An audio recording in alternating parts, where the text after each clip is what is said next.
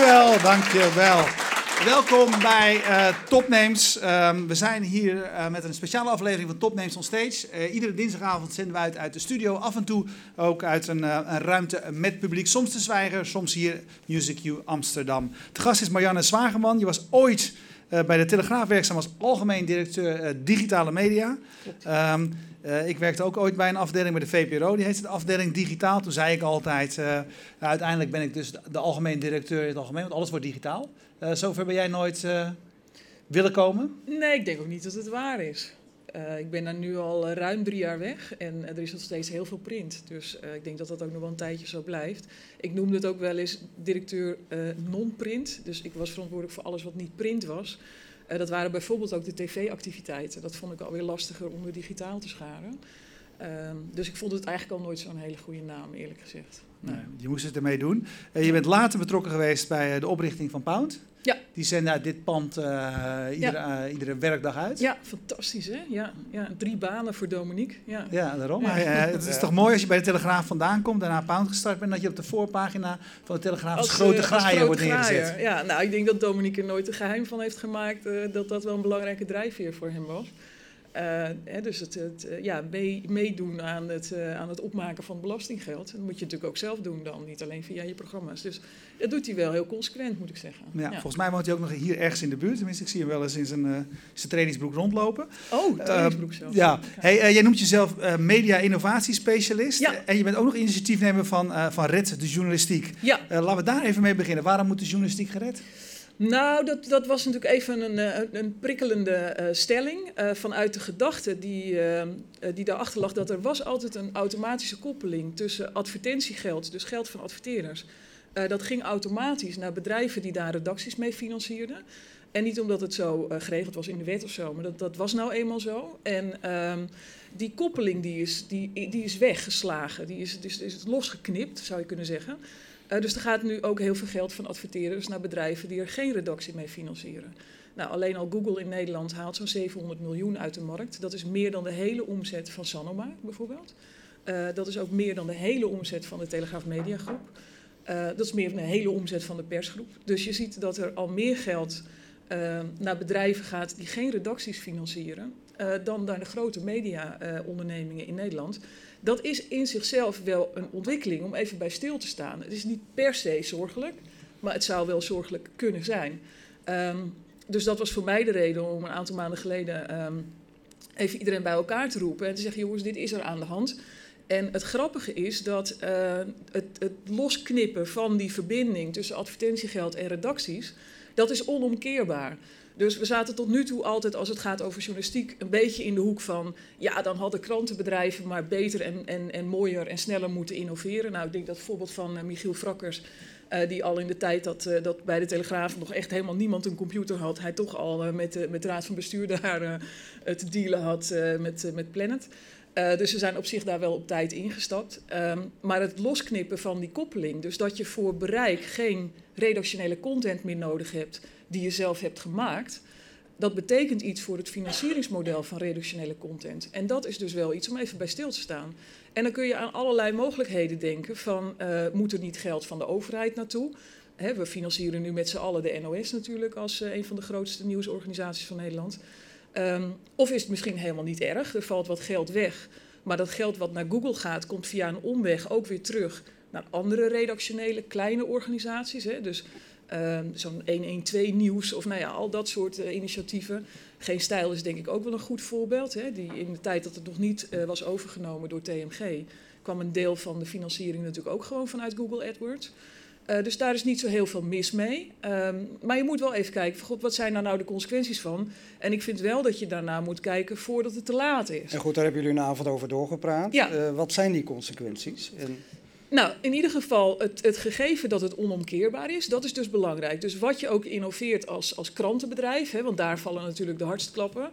Uh, het feit dat die koppeling losgemaakt is, daar kun je niks meer aan doen. Dat is, dat is niet terug te draaien. Nou, dat is wel een belangrijk gegeven. Um, de oplossingen liggen dus deels in het toch vinden van andere vormen van financiering. Uh, je ziet nu langzamerhand uh, komen dan en, alle, internethipsters zoals uh, nou ja, Alexander Klupping en iedereen in zijn, in zijn spoor, die, die roepen dan dat het allemaal belachelijk is met betaalmuren en zo. Ik vind de uitvoering daarvan overigens vaak ook heel slecht. Maar de trend dat er zo langzamerhand de consumenten toch wel betaald wordt voor content. Uh, alleen al in, in betaalde apps gaan natuurlijk honderden miljoenen uh, uh, per maand om, wereldwijd. Ja. dus je ziet dat daar echt wel het tij gekeerd is inmiddels. Dus je kunt ook als contentmaakbedrijf, kun je als je met goede betaalmodellen aan de slag gaat, veel beter dan alles wat er nu is, ligt daar wel een deel van de oplossing. Een deel van de oplossing ligt ook in het veel goedkoper organiseren. Je ziet dat er natuurlijk nog steeds hele grote redacties zijn Um, ik vond een mooi voorbeeld recent um, in de oudjaarsnacht uh, dat, uh, dat grote ongeluk in, uh, in Friesland. Hè, die vrouw die op die groep mensen inreed. daar was voor mij de plek om het live te volgen, was geen stijl. en dat zeg ik niet omdat ik geen stijlfan ben en omdat nee, Annabel Nallinga van geen stijl hier in de zaal zit. Maar daar werd ik heel goed op de hoogte gehouden. En ik weet dat dat dan gebeurt door twee redacteuren die dat ook gewoon vanaf het feestje waar ze zitten of wat dan ook dus je kunt eigenlijk met een vrij kleine redactionele bezetting tegenwoordig heel goed je publiek bedienen. Ja, op het moment dat je dat zegt, gaat iedereen bij de grote kranten altijd uh, met haken in het zand. Hè? Dat ja, is alsof je mensen bijna aanvalt in hun. Ja.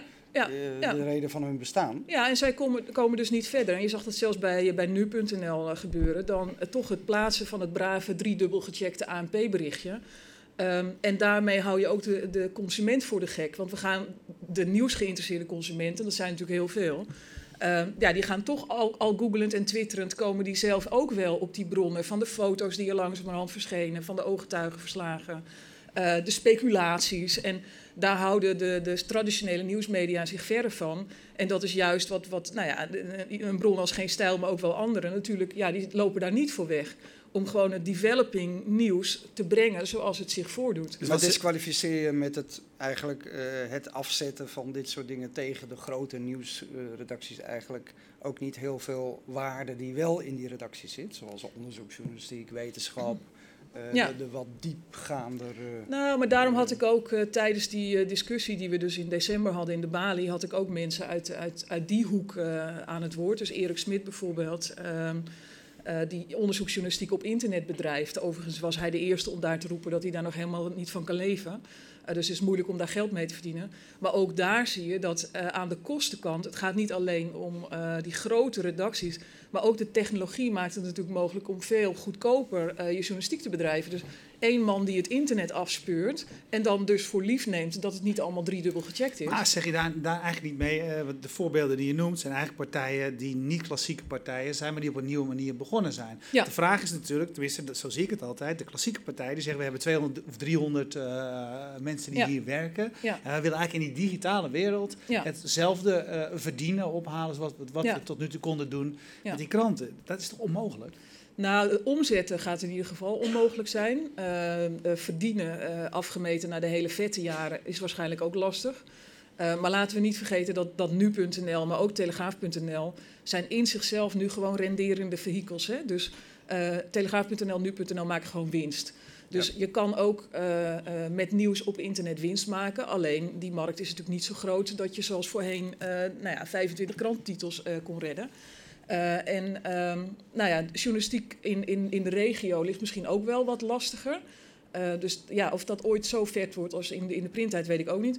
Maar je moet daar denk ik vooral, als je als bestaande nieuwsorganisatie nog iets wilt, en daar ben ik helemaal niet hoopvol over dat ze dat gaan redden, um, uh, moet je daar vooral kijken hoe zou je je bedrijf zo moeten organiseren dat je met gebruikmaking van alle technische mogelijkheden die er nu zijn, maar ook de betrokkenheid uh, van mensen. Hè. Ik vind een belangrijke trend, daarom zat ik net wel uh, geboeid te luisteren naar dat verhaal van de radijsjes uh, in, je, in je eigen vensterbank kweken.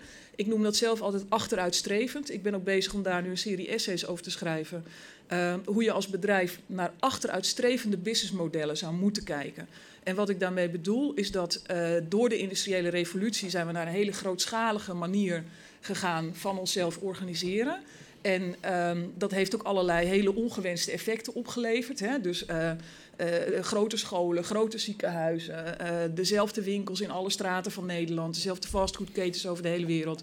Ja. Dus die Kan schaalgrootte. allemaal terug, kan allemaal minder. Nou, wat je, wat je nu Hoe ziet. kijk je in dat kader aan naar, te- tegen een initiatief als de Nieuwe Pers? Die eigenlijk, Ja, weet je wat, vervolg op de pers die er niet meer is, hè? Ja. Het- de krant. nou, Eh, dat, dat, dat is. een- Samengevat wat ze gaan doen is een platform maken voor freelance journalisten. Waarbij het idee is dat het publiek zich kan abonneren op de feed van zo'n journalist en daar gewoon voor betaalt. Ja, dat is Eh, een mooi voorbeeld van een achteruitstrevend businessmodel. Waar je zegt, al die dingen, al die schakels die wij hadden ingebouwd als, als mediabedrijf. Hè, dus we, we hadden eh, drukpersen en vrachtwagens en eh, weet ik veel, allerlei dingen georganiseerd. Die hebben we eigenlijk allemaal niet meer nodig. We gaan terug naar de, naar de eigenlijke kern van hoe brengen we nieuws bij mensen die het willen hebben. En die er ook nog wat voor willen betalen. En er kunnen heel veel schakels dan vervolgens uit. Ehm, en wat je dan ziet, is dat er heel veel kansen liggen voor journalisten om ook hun eigen publiek op te zoeken. Eh, dus ze hebben nu vandaag geloof ik de eerste twaalf eh, journalisten bekendgemaakt hè, die, eh, waar je je op kunt abonneren. Nou, met name natuurlijk de journalisten die, die zelf ook bouwen aan hun bekendheid en hun netwerk.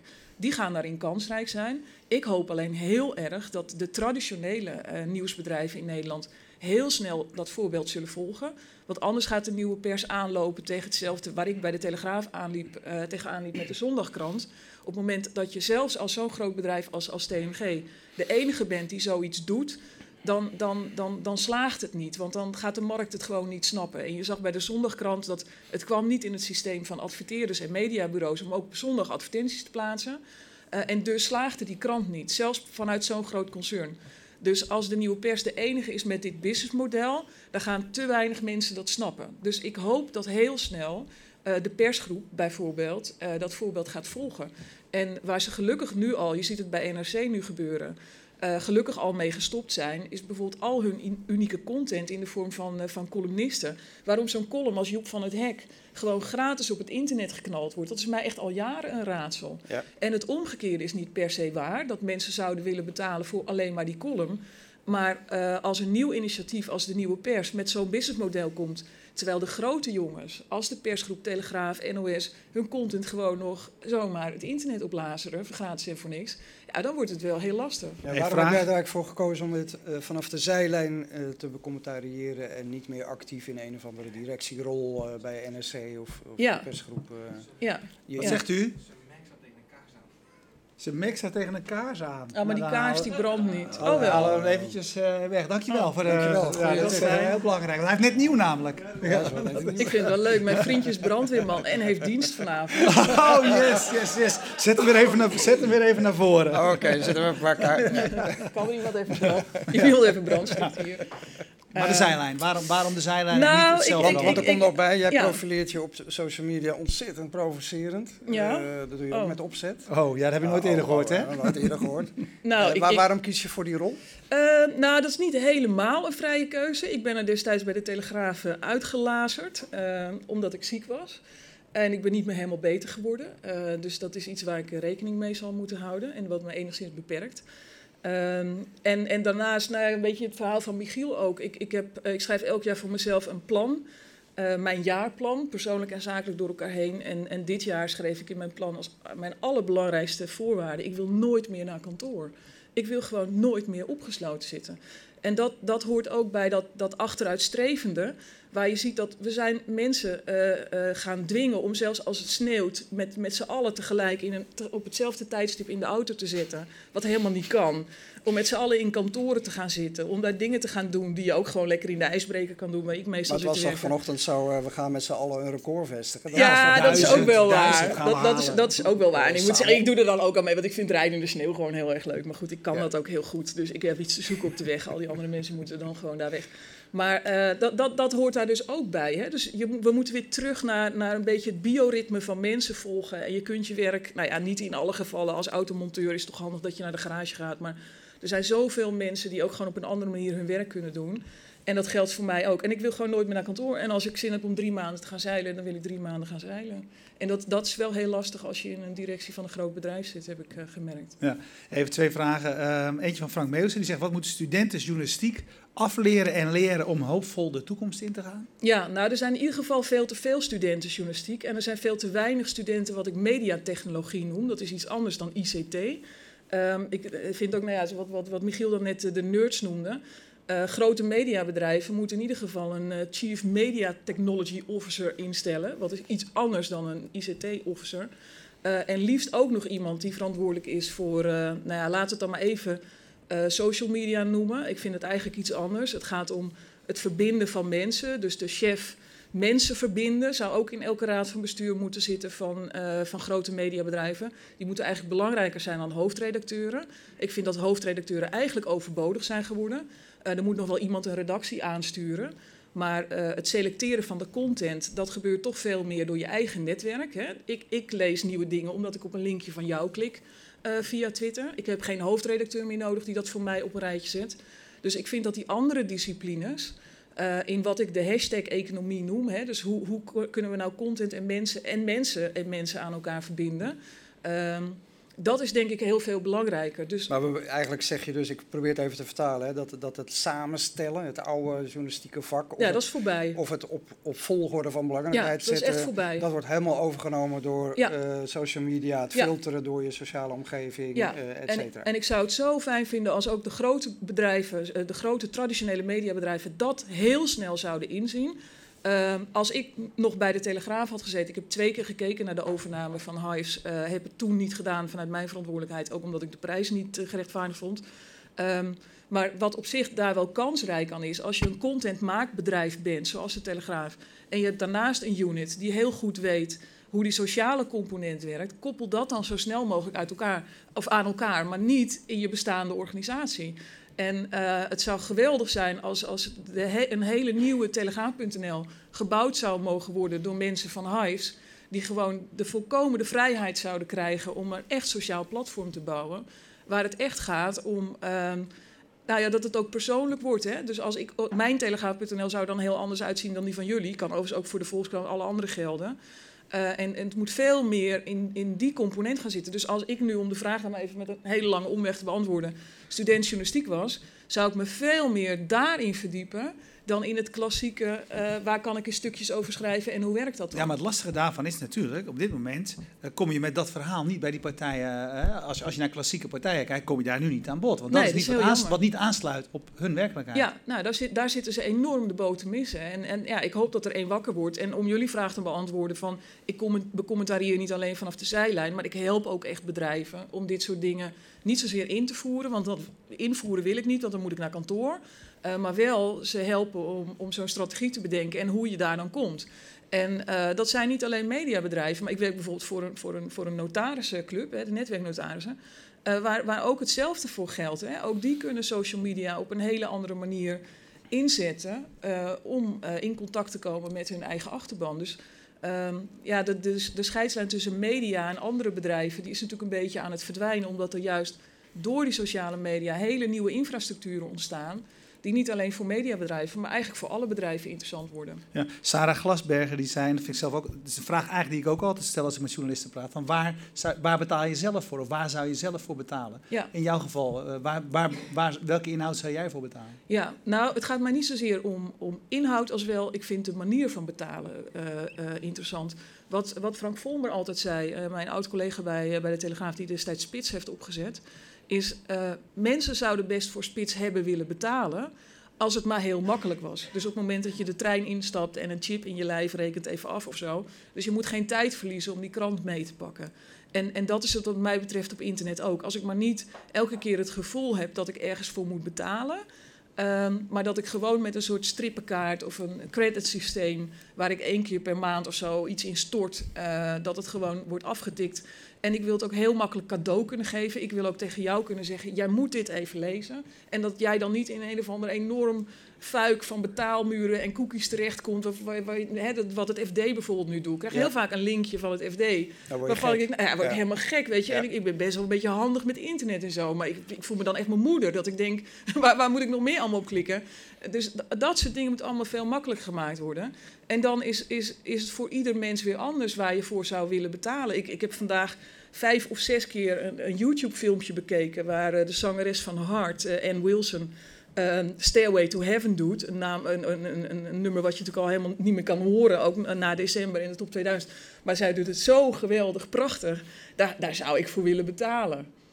En, en desnoods, als ik even 30 seconden eerst kan zien en, en daarna betalen, ja, geen enkel probleem. En dat, dat wisselt ook per dag. Die, die speech van Bruce Springsteen uh, vorig jaar, ja, daar had, ik, daar had ik veel voor willen betalen. Sterker nog, ik ga in ieder geval mee op dat reisje. Want ik weet heus wel dat hij niet nog een keer komt. Maar ja, je wil de kans Ja, gewoon nee, niet. Je wil gewoon niet. Het idee dat hij daar dan... weer- Het is een beetje als de postcode loterij. Dat hij dan net wel komt. Dat heb ik nou ook, ja. Nee, Ja. Ik sta, het zou mij Nee, niet, ik- ik- gaat mij ik- niet gebeuren nee, hoor, het dat, die, niet dat die gebeuren. prijs in de straat valt. En, ik, en ik er niet bij ben. Nee, datzelfde heb ik. Ik vind het een geniaal concept. Pak nog even een paar vragen uh, tot slot. Uh, Tino zegt, creëer geen uh, filterbubbel door alleen op je netwerk te vertrouwen voor je nieuwsinformatie. Uh, als je, je cirkeltje wordt steeds kleiner als alles... Uh, je wordt minder verrast, je, je krijgt steeds meer inhoud op maat. Nee, ik denk dat dat juist in uh, vergelijking met uh, altijd maar vertrouwen op wat, wat de hoofdredactie van de Volkskrant voor je samenstelt, dat die kans veel minder is. Want dat netwerk dat, dat is heel fluïde, dat, dat is open, daar komen mensen bij door een hashtag. Nou, alleen al net door even de hashtag hier in de, zaak, de zaal te volgen, kwam ik erachter dat Linda ook in de zaal zit. Die had ik nog niet gezien. Ja, uh, ja dus zo kom je toch continu, Linda, die ik overigens ook weer gewoon ken via mijn netwerk op internet. Dus dat, ja, dat, dat groeit en ontwikkelt Ja, en Linda die overigens zegt, uh, die Marianne Zwageman heeft haar verhaal op orde. Dat past niet echt in het format van FMT. En Oh. dus haken Airblog en Stekel een beetje af. ja, Ja. hebben wij weer. Ik ben gewoon zelf graag aan het woord. Ik moet eigenlijk zelf een talkshow, daar ben ik ook wel mee bezig hoor. Ja. Nou, we hebben, Maar ik een we hebben ben. een studio die we goed voor je kunnen inzetten. Ja. Dus als we dat later eventjes kunnen af... eh, Nou, ik vind die conclusie dat we af zouden haken wel interessant. Dan laten we eens een keer iemand uitpraten, omdat we geïnteresseerd luisteren. Is het weer niet goed. Jullie haakten meer af bij die radijsjes net hoor, dacht ik. Maar dat is Nou, ik had er ook wel wat moeite mee. Terwijl, terwijl op zichzelf het wel een heel interessant thema is. Maar, dat, dat, dat- maar ik- Ja. het is meer dat het... Nou, het, leuke van dat thema, en dat is toch even mijn bruggetje naar de journalistiek. In die, in die achteruitstrevende businessmodellen, waar ik nog heel veel meer over kan vertellen dan dat ik nu tijd voor heb. Maar dat, dat de, de veranderende rol van consumenten is daarin belangrijk. Dus consumenten worden deels ook producenten. Dat zie je ook in urban farming. Dus je eigen balkonnetje kan voor een deel productieruimte worden. Uh, en dankzij sociale media en de infrastructuren die daar ontstaan, kun je ook weer je eigen uh, uh, nou ja, achterban opzoeken die dat van je wil kopen. Maar waar mediabedrijven vooral goed naar moeten kijken is uh, dat consumenten, ik heb het laatst ook verteld, ik was uitgenodigd bij het Nederlands Uitgeversverbond om iets te vertellen over social media. Uh, ik wil jouw krantenjongen zijn. Ik wil uh, met jouw content aan de haal Ja, en tegen wat- andere wat- mensen en zeggen, je moet dit lezen. En weet je wat ik nou zo jammer vind? Want ik kom natuurlijk ook uit die online en digitale Ja. journalistiek. Dat eh, de initiatieven die er dan zijn, eh, heel erg zich steeds maar weer focussen op meningen en comments en mensen Ja. die elkaar te lijf gaan. Terwijl de innovatie moet volgens mij echt komen uit het delen van kennis. ja, Eh, dan maar in ieder geval op het, uit het delen. Uit en, het en, delen, en het ja. delen wordt je nu ja, maar heel... hoe komen we nou, eh, hoe kunnen we nou die stap maken van het altijd en overal maar zeggen wat je ervan vindt, naar altijd en overal maar zeggen wat je weet? Want volgens Ja. mij gaat dat de journalistiek veranderen en verrijken. En niet zozeer wat we nu met z'n allen aan het doen zijn. Nou, het begint bij eh, dat mediabedrijven mij niet meer moeten zien als een dief, maar als een krantenjongen die eh, die content verder wil verspreiden. En eh, maak het mij dan ook makkelijk om tegen andere mensen te zeggen: jij moet dit even lezen. En dat wordt je nu heel erg moeilijk gemaakt. Ja, door die En- ingewikkelde betaalconstructies Ja, en het, ja, eh, dus- of, dus- of en- helemaal dicht. Ja, of- en het is, het is dus echt een mindshift die mediabedrijven moeten maken van consumenten zijn niet alleen maar dieven die alles gratis willen jatten van je, maar zijn ook jouw krantenjongen. Ze zijn de nieuwe krantenjongen. Zij kunnen jouw content daar brengen waar het anders niet kwam. Bij de Volkskrantlezer die anders nooit de Telegraaf zou kopen en toch denkt, hé, hey, dat is interessant. Er staat Ja. een hele goede financiële analyse over de SNS-bank of Een zo. soort universele werkelijkheid op internet. De consument komt niet meer naar jou, je moet je content naar ze toe brengen. En daar gebruik je eh, Ja. andere Het consumenten. is een site eh, van, van een man en die heet van zijn achternaam Baakdal, E B-A-E-K-D-A-L. Scandinavië. Je kan bij hem eh, een, een abonnement nemen op. Hij is he- heel deskundig op het gebied van media, nieuwe media. Maar je kan eigenlijk altijd delen. Ja. Als jij gekocht hebt, Ja. kan jij daarna, dat wil, stimuleert hij dat zelfs van vertel dit verder. Want hij heeft geloof van als ik dat dan verder vertel, wellicht is de volgende ook weer iemand die een abonnement neemt. Nou, ik noemde op dat, eh, dat uitgeefcongres waar ik laatst was, noemde ik de, de app eh, Lees dit boek. Die is van, van de Ja. WPG-uitgevers. Er vallen heel veel boekenuitgeverijen onder. Eh, dat is op zich een hele leuke app. Daar kan je eh, eh, elke week, geloof ik, een heel boek gratis lezen. Uh, maar je kan ook van elk boek wat erop staat echt een heel stuk lezen. Echt wel 50, 60 pagina's. Dat dan weer doorsturen naar mensen. Je kunt ook heel makkelijk kopen als je het hele boek wil lezen. Dan denk je, nou dat begint er een beetje op te lijken. Dan ben ik ook geïnspireerd om tegen andere mensen te zeggen. Ik noem deze app ook heel vaak. Hè, dus in die zin helpt het ze al. Maar ook tegen andere mensen zeggen van... joh, lees even deze 60 pagina's van dit boek. En daarna kan je dan zelf besluiten of je het wil kopen. Nou, en dat, dat zou met veel meer content moeten gebeuren. Goed, we hadden een uurtje beloofd. Ja, tijd voor uh, de bar. Ik dacht een uurtje ja. voor mij alleen. Ja, dus, wat voor jou, voor jou volgens mij kunnen leren dat jij heel erg goed bent. Zitten, we praten ja, dat je heel erg goed bent in het, in het claimen van, of claimen, verzinnen zeg maar, van titels. Achteruitstrevend, hè, daar ben je heel goed in. Fenomenisering is een, uh, is een uh, titel voor jou. Is dat, Zit je daar zeg maar, nou, thuis en bij jou? vergeet je nog de bloeddoddige. Bloeddoddig. Bloeddoddig, hè? Ja. Ja, ja, Is, is dat wat mensen van jou kunnen leren? Bedenk dingen waar mensen je aan kunnen herinneren? Nou, ik weet niet of het per se een goed idee is om een woord te verzinnen wat niet iedereen snapt. Dus ik moet het ook wel vaak uitleggen wat bloeddoddig is en wat fenomeniseren is. Maar het prikkelt mensen wel om er naar te luisteren.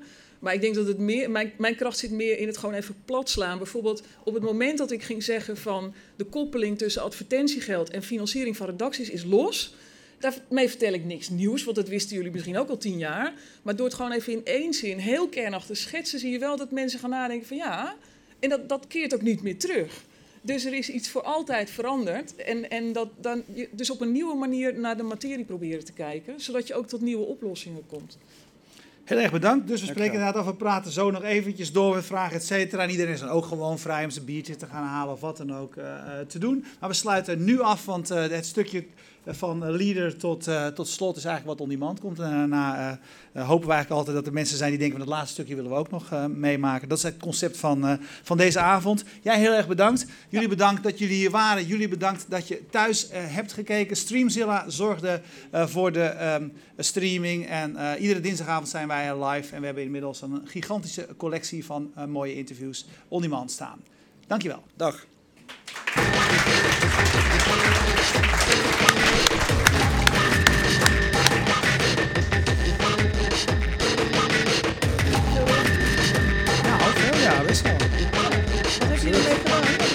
Ja, eigenlijk alleen maar uit. Maar ja.